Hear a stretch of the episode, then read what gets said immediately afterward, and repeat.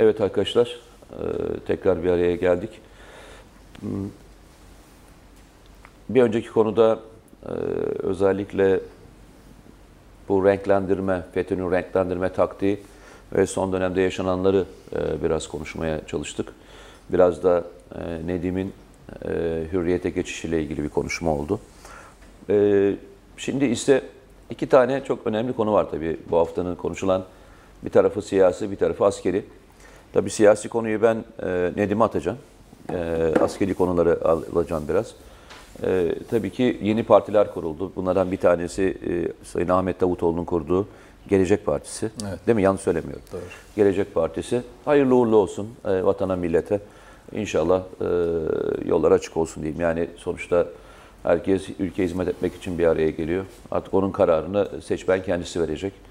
E, ikincisi de e, Libya'da ile ilgili imzalanan askeri e, anlaşmalar vardı.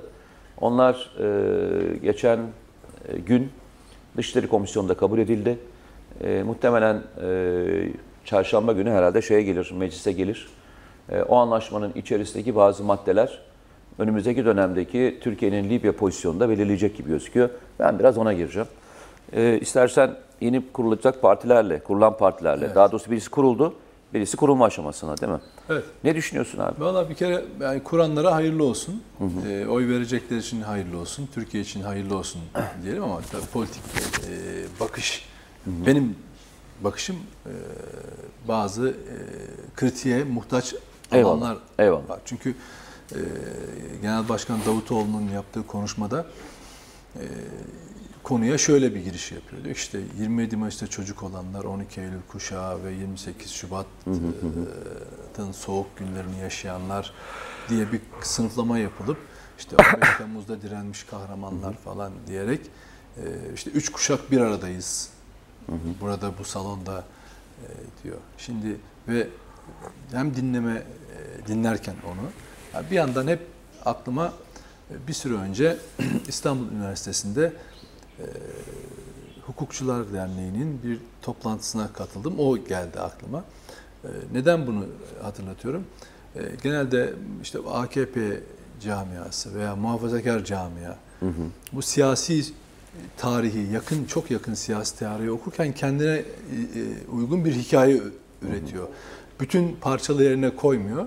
Hı hı. E, aradan aldığı, eksilttiği bölümler var. Onları yan yana yapıştırıp bir bütünlük oluşturup tarihi öyle okumaya, okutmaya çalışıyor. Oysa yani 27 Mayıs'tan başlıyorsanız 12 Eylül'e gelip 71'i 12 Eylül'ü 28 Şubat'ı atla, geldiğiniz zaman 2002 ve sonrasını 15 Temmuz'a kadar 17-25 Aralık'ı falan da anlatmanız lazım. Ama hı hı. o bölümü çıkarttığınız zaman yani AKP iktidarı dönemini çıkartıp da e, süreçleri, sancılı süreçleri sadece burada birleştirdiğiniz zaman bir başka yamuk görüntü ortaya çıkıyor. Şimdi ve bu tabii neyi, ne, niçin böyle yapıyorlar? E, bir siyasi öz eleştiri yapma zahmetinden o kesimleri kurtarıyor. Hı hı. Bunu niye söylüyorum? Üniversitedeki panele gittiğimizde aynen böyle bir durum oldu.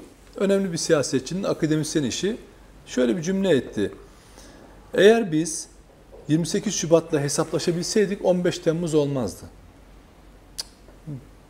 Şimdi salonda da tabii hep uygun öğrenciler var.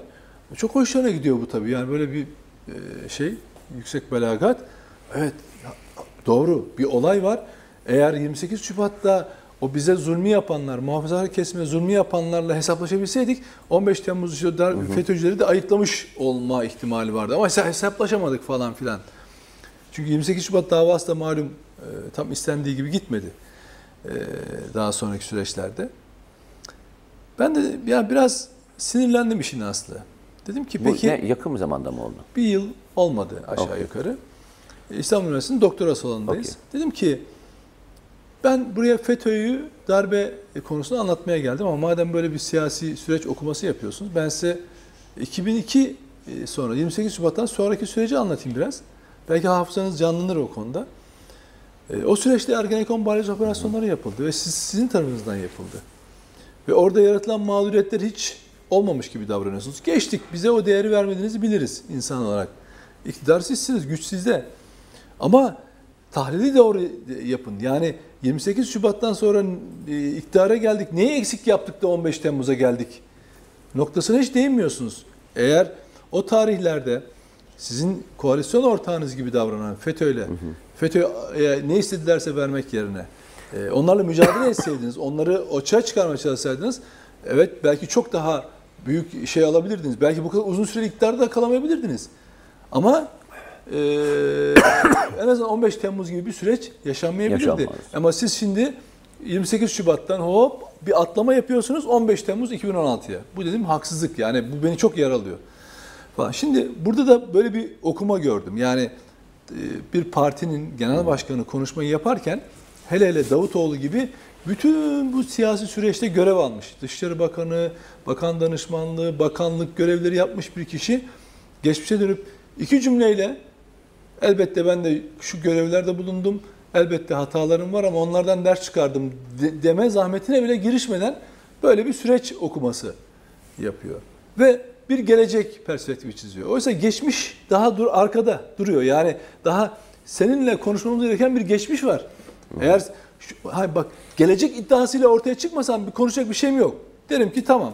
Onun o benimle eşit bir yurttaş bir yerde sohbetimde ancak e, konuşuruz. insani bir münasebet kurabiliriz. Ama sen topluma ve Türkiye'ye gelecek diye yön vermeye çalışıyorsan o zaman biz mecburuz ki gelecek, geçmişi de konuşmak durumundayız. Değil mi? Çünkü biz AKP her ne adım atarsa, ne söylerse, ne hatırlatılıyor? E canım sen dün bunlarla bunu yapmıyor muydun? Değil mi? Bunu hatırlatmıyor muyuz? Tabii. Ya dün işte diyorsun şunu şunu şunu yaptın. Bugün bu- ama diyor ki ben bugün mücadele ediyorum. Peki o zaman gelecek adına hangi mücadeleleri vereceksiniz? Onları görelim. Onu da tabii programlarından ve konuşmalarından çıkartacağız. Birçok konuda eleştirebilirim. Yani işte PKK'nın adı geçmiyor.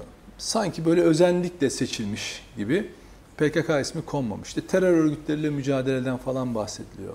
İşte Türkiye'nin birliğinden tamam bunlar hep yüksek laflar.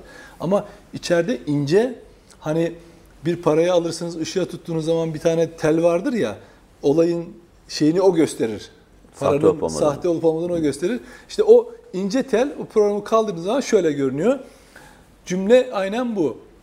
Ana dil eee, ana dilin eğitimde kullanılması, yaygınlaştırılması sosyal hayatta falan filan falan filan diye devam ediyor. Yani ana dilde eğitimden bahsediyor. Yani ana dilin eğitiminden bahsetmiyor. Ana dilin eğitimde kullanılması, yaygınlaştırılması sosyal hayatta falan filan diye devam ediyor. Ha bu neyi gösteriyor? Bu ana dilde e, tabi bunun bir referansı var yani bir atıfı var. O nedir? Kürtçe. Çünkü PKK'yı koymayan zihniyet işte e, Güneydoğu Anadolu ile ilgili bir cümle bağlamında bunu içine koyuyorsa bizim bizim eğer azıcık aklımız yetiyorsa bunun orada özünün e, Kürtçe'yi e, kastettiğini e, ve bunu ana dilde eğitimde kullanılması gibi bir düşünceyi bize getiriyor.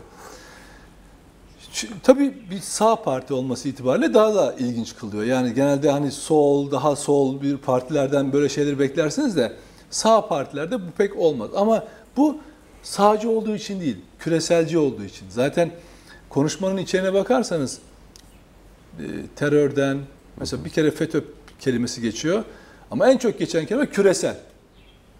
Küresel insan, küresel süreç, küreselleşme, küresel... Bak her tarafını oku, hep küresel kelimesi geçiyor. Bu şundan dolayı, e, biraz şu andaki bütün muhalefet partileri de aşağı yukarı oraya oynuyor. Yani Türkiye içine kapanmış, batıdan uzaklaşmış diye bir algı var ya ve bunu batı kendi eliyle medyasında yazıyor.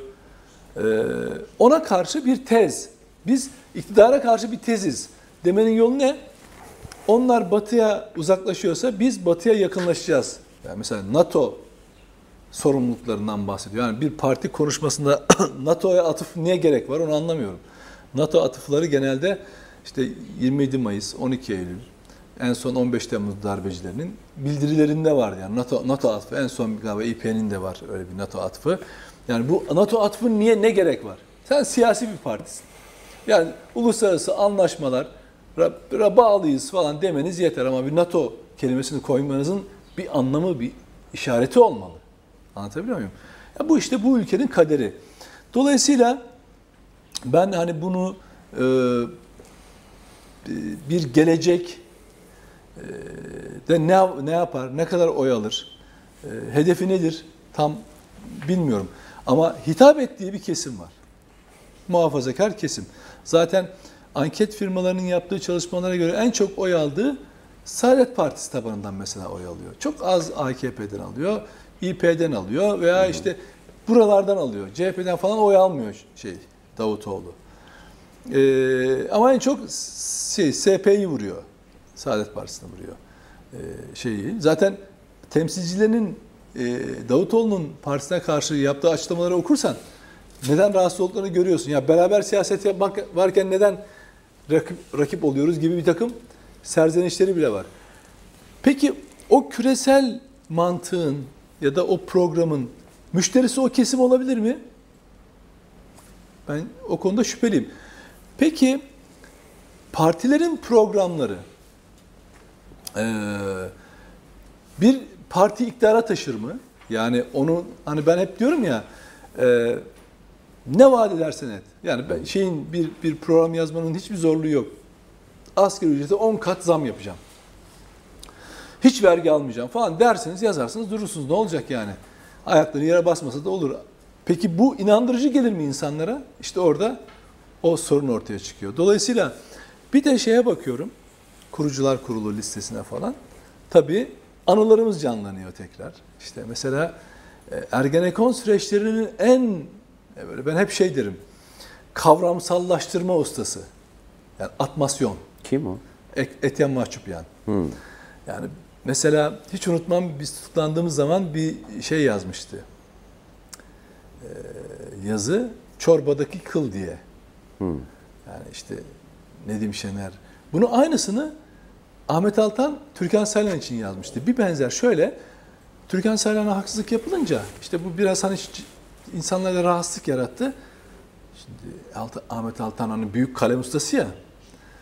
Ee, siz Ergenekon direğine bakın. O Ergenekon büyük bir direk. Türkan Saylan üzerinde bir kıymık zaten sadece diyor. Şimdi biz de o büyük çorba var. Bir çorbadaki kıl haline getirmiş bizim bir Ahmet beni öyle yazıyor mesela.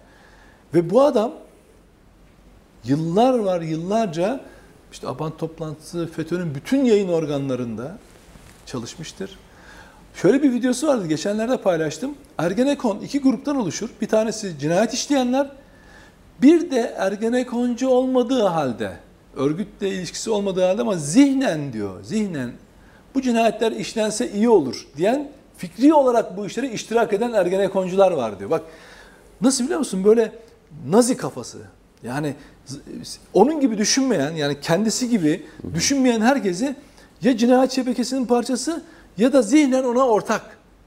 Ya başka bir türlüsü olamaz bunlara göre. Kategorik olarak böyle. Şimdi bu adam Etyen Mahçupyan hiç şey duydunuz mu mesela Agos Hrant Dink öldürüldükten sonra Agos gazetesinin başına geçirildi. Bu olayın içinden FETÖ parmağı çıktıktan sonra tek bir yazı yazdığını duydunuz mu? Oysa o çorbadaki kıl yazısında ne diyordu? Nedim Şener diyor. Evinden çıkarken Hrant için, adalet için diye bir slogan attı diyor. Hrant'ı kullanıyor diyor.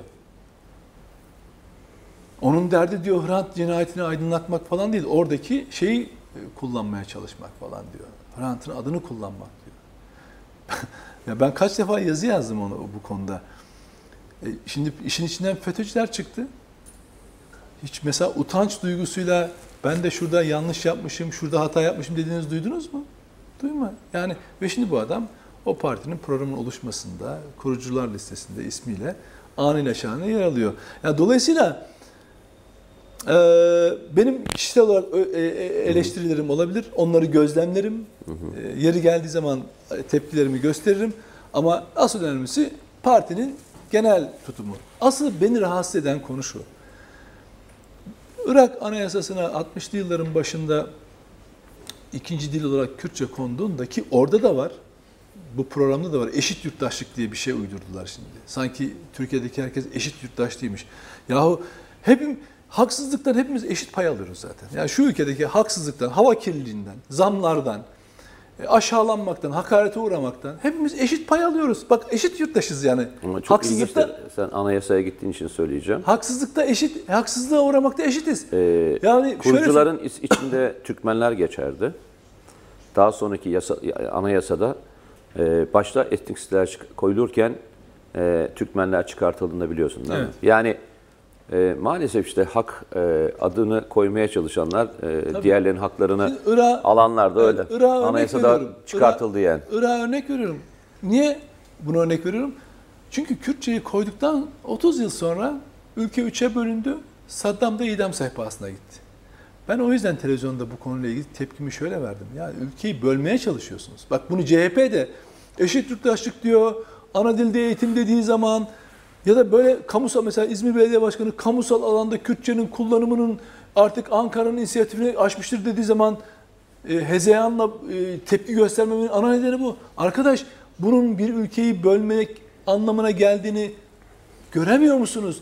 Buna nasıl inanamazsınız? Ya bunu nasıl yani sadece efendim HDP'lilerden de biraz oy alayım diyerek ülkenizin bölü- bölünmesine seyirci mi kalacaksınız ya? O yüzden diyorum böyle söyleyen insanlara yani eşit yurttaşlık diyen ve ana dil e, de eğitim diyenlere çok dikkat edin arkadaşlar. Bunlar sizi bölmek isteyen insanlar. Evet. Siyasi rant uğruna 3 oy daha fazla alalım diye. O yüzden diyorum yani biz ne siyasete girelim ne bir şey yapalım ama ülkemizin birliğini koruyalım. Çünkü inanın ki bugünden temeli atan bugünlerde bu ülkeye enjekte edilmeye çalışılan bu konular 30 yıl sonra bizim çocuklarımızın öne alamayacakları hastalıklara dönüşecekler. Kendiliğinden kangren haline dönüşecek bazı olaylar kolunu bacağını kaybedecek ülke. Yani biz belki hayatta olmayacağız.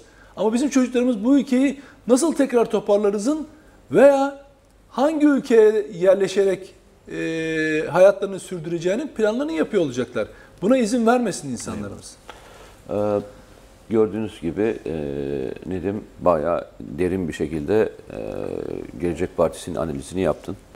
Anladığım kadarıyla. Tamamı değil ama Mete Yok şöyle. yok yani şöyle anlamda. Bak, yani bir- yüzeysel şöyle- anlamda tabii, Tabii. ki. Yani şu anda ortada bir şey Şimdi- yok fazlasıyla. Yani Sen o- görünen köyden gittin. Onlarca evet onlarca sayfa metni okursunuz. Anladım. Ama hani dedim ya paranın içindeki o e, o şeyi bütün gerçek veya sahte olup olmadığını tel gösterir ya. Işığa tuttuğunuz zaman bu programda da ışığa tuttuğun zaman ana dil eğit- ana dilde eğitim diye koyduğun an sen benim için e, şeysin e, izlenmeye muhtaç bir durumdasın demektir. Bu çünkü çok belirleyici bir durum. Okey. Ee, yani bu daha çok tartışılacak. Ee, bu konuyla ilgili e, mevzu çok fazlasıyla derinleşecek. Ee, o derinleşmeye geldiğinde de ben de e, fikirlerimi beyan edeceğim. Yani bu konuyla ilgili. Ee, siyaset siyasi olarak değil, e, bir dönemin şahitliğine. Mesela sen e, sıklıkla bahsedersin ya, e, işte FETÖ'yle mücadele, o dönemdeki işte bu Fethullahçı örgütün mensubu olan polisler ve savcılarla ilgili çok anıya Evet. sahipsin. Ben de barikatlar dönemi, e, Suriye, Irak politikaları dahil olmak üzere hani yakından izlemiş bir kişi olarak elimden geldiği kadar e, o dönemi bir analiz etmek istiyorum. İnşallah bir zamanımız olur yaparım. Arkadaşlar Geçen hafta e, buradan çıkarken de yine aynı şeyi konuşmuştuk. Libya konusu e, geçen haftanın en önemli konusu olacak demiştik hatırlarsınız. Geçen hafta Hafter güçleri e, ulusal mutabakat hükümetine yani anlaşma imzaladığınız mutabakat hükümetine e, topyekun bir saldırı başlatmışlardı. Ve e, Trablus'u ele geçirmek için de e, ellerinden geldiği kadar e, diğer ülkelerin de desteğini alarak bunu sürdürmeye çalıştılar. Kimler vardı bu ülkeler arkasında? Fiili olarak Mısır, Birleşik Arap Emirlikleri, e, Fransa ve e, her zamanki gibi tabii ki Suudi Arabistan. Bu dört ülke, ha buna bir de Rusya'yı da e, aktif olarak katalım. Çünkü ciddi bir Rus e, paralı asker grubu var orada. E, bunlarla beraber çatışmalar yaşandı. Hatta bir miktar ilerlediler. E, daha sonra e, bölgedeki gruplar e, bütün saldırıları püskürttüler. Alınan yerleri de geri aldılar. Hatta biraz daha e, eski pozisyonlarından daha ileri bir pozisyona geçerek de şu anda ilerlemeye devam ediyorlar. Bütün şehirlerde seferberlik ilan edilmiş durumda şu anda şeyde Libya'da ulusal mutabakat hükümetinin olduğu yerde. Bu hafta da e, Türkiye'nin desteklediği, Katar ve Türkiye'nin desteklediği ve Birleşmiş Milletler'e tek tanıdığı hükümet olan Ulusal Mutabakat Hükümeti genel taarruza kalkacak. Yani bir bir taarruz e, başlangıcının e, dönemini yaşıyoruz. Yine bu hafta çok konuşulacak. E, eğer meclisten karar çıkarsa e, belki bölgeye askeri danışmanlardan öte başka bir birim de gidebilir. E, Türkiye'nin hava savunma sistemleri dahil olmak üzere bazı sistemler gönderilebilir. Ve ulusal mutabakat hükümetiyle bölgedeki sondaj faaliyetlerinin nerede yapılacağıyla ilgili e, çalışmalar da sürdürülebilir. Muhtemelen bu hafta e, bununla ilgili e, genel büyük tartışmalar olacak. Çünkü Mısır Sisi bugün itibariyle çok ciddi bir açıklama yaptı. Dedi ki e, Sudan ve e, Libya'nın içlerine karışılmasına asla müsaade etmeyeceğiz dedi. Yani bu çok iddialı bir laf. E, bu iddialı lafın arkasından ne yaşanacağını göreceğiz. Yine Sisi e, Yunanistan'la ve diğer müttefiklerimizle beraber Doğu Akdeniz'de neler yapacağımızın e, konularını belirlemeye çalışıyoruz dedi. Aslında bu da çok e, keskin bir laftı. E, bu hafta e, herkes kozunu masaya getirecek ve e, yaşanan sürecin sonucunda da belki General Hafter olmayacak, belki Ulusal Mutabakat Hükümeti olacak. Çünkü sorun artık e, başka bir noktaya doğru gitti. Yani ok yaydan çıktı. E, Türkiye aktif olarak bu işin içine girerse e, işin şekli çok değişir. E, görünen o ki Türkiye bu işin içerisine aktif olarak yer alacakmış gibi gözüküyor. Yine bu hafta içerisinde e, Amerika Birleşik Devletleri e, Güney Kıbrıs'a uygulanan silah ambargosunu kaldırdı. Artık Güney Kıbrıs e, Rum yönetimi ABD'den direkt silah alacak. İlginçtir. Biz PYD'ye silah gönderen e, Amerika'dan sonra Güney Kıbrıs'a da silah gönderen Amerika'yı evet. görüyoruz. Yine hemen bizim sınırımızın dibine e, Yunanistan'la yaptıkları anlaşmalarla e, çok büyük zırhlı birlikleri gönderdiklerini de görüyoruz. Yani Türkiye'de izliyor. Sayın Cumhurbaşkanı bu hafta içerisindeki en son iki gün önceydi galiba konuşmasında e, ne dedi? E, İncilik üssünü ve küreciyi e, kapatmayı e, düşünüyoruz dedi. Eğer e, nokta oraya giderse bu kapanılacaktır. E, ben geçen hafta içerisinde de bunu anlatmıştım, sizlerle de konuşurken anlatmıştım. Dün de bir Ümraniye Kitap Fuarı, düzeltiyorum, pazar günü Ümraniye Kitap Fuarı'ndaydım. Şunu söyledim, yine aynı şeyi söyleyeceğim arkadaşlar, kızmazsanız. Ben hayatın normalleşmesinden çok hoşuma giden bir tarafı yoktur. Yani e, birisinin dedelerime e, katil demesini normal olarak algılayıp e, bunun bir devlet politikası olarak halledilmesini düşündüğümüz yerde aslında biz kaybedenler kulübündeyiz. Evet. Yani e, 82 milyonun e, dedesine e, katil dendi. Soykırım yapan kişiler dendi. Ve biz bunu o kadar normalleştirdik ki hayatın sıradan bir vakası gibi geçiştirdik gitti. Ne fazlasıyla gündemimize aldık ne de fazlasıyla bu konuyu tartıştık. Bilmiyorum yanınızdaki namusunuza, yanınızda bayrağınıza laf söylenmesiyle e, açıkçası dedenize laf söylenmesi arasında nasıl bir fark var açıkçası bilmiyorum. Benim için hepsi aynı. E, Amerika Birleşik Devletleri'ne şahsen ben kendim ne yapabilirsem, demokratik anlamda ne yapmam gerekiyorsa ben yapacağım. Demokratik anlamda ne yapmam gerekiyorsa yapacağım. E, ve e, bu sürecin içerisinde de hep beraber ne yapmamız gerekiyorsa bu saatten sonra oturup konuşmak zorundayız. Yani bu süreç öyle e, unutularak e, gidecek olan bir süreç olmamalı. Hepimiz e, yanlışlarımız vardır, doğrularımız vardır. Doğru mu? Tabii. Ama bu konu e, açıkçası beni çok da fazlasıyla e, yaralayan konulardan bir tanesi. E, bir şekilde hep beraber bunu bir tartışmaya açmak zorundayız. Şimdi, yani bu bir e, sıradan bir vaka haline gelmemeli. Evet, onların yaptıkları bir siyasi duruş. Evet. Yani siyasi bir intikam almaya kalkıyorlar. Hak, yani onlar açısından haklı olabilirler. Bak söylüyorum, onlar açısından haklı olabilirler. Ama bu bizim bu kadar sessiz kalmamızı gerektirmiyor. Tabii e, yani ne yapılabilir onu bilmiyorum. Neden? Ben söyleyeyim ne yapılacak. Ne yapılır? Örnek vereyim sana. Çok önemli bir e, olay vardır. Ben o olayı hatırlatma yaparım.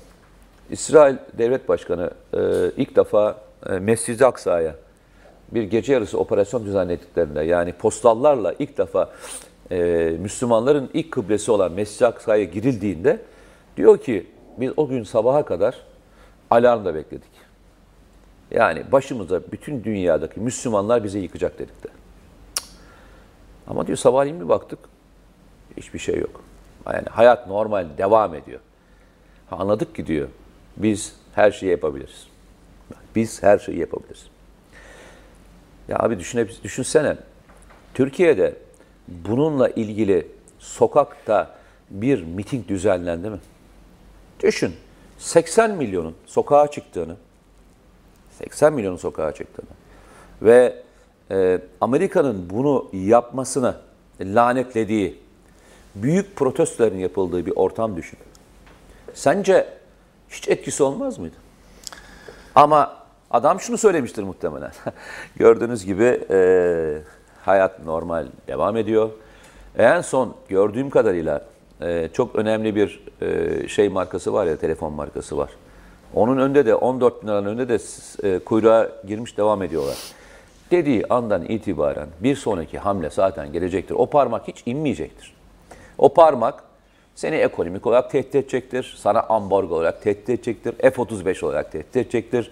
Ne diyeyim F-16 olarak tehdit edecektir. Edecektir de edecektir kardeşim. Çünkü yok ki yani aynı İsrail devlet başkanının söylediği mevzu gibi. Sabaha kadar uyumadık. Sabah baktık ki hayat devam ediyor. Şimdi ne oluyor? Meksidi Aksa'yı nasıl şeye getirdiler? Günübirlik girip çıktıkları hatta Mescid-i Aksa'ya Müslümanların giremedikleri bir noktaya doğru getirdiler. Bu iş böyledir. En seni açarsan ne yaparlar? Tokadı çakarlar kardeşim. Vallahi hocam işte onun için e, ülkende bir birliğin olacak. Sen sadece dört tane yani mecliste beş parti var. E, Ermeni soykırım tasarısını kabul eden Amerika Birleşik Devletleri'ne kınayan metne imza atmaktan bile geri duran bir parti var.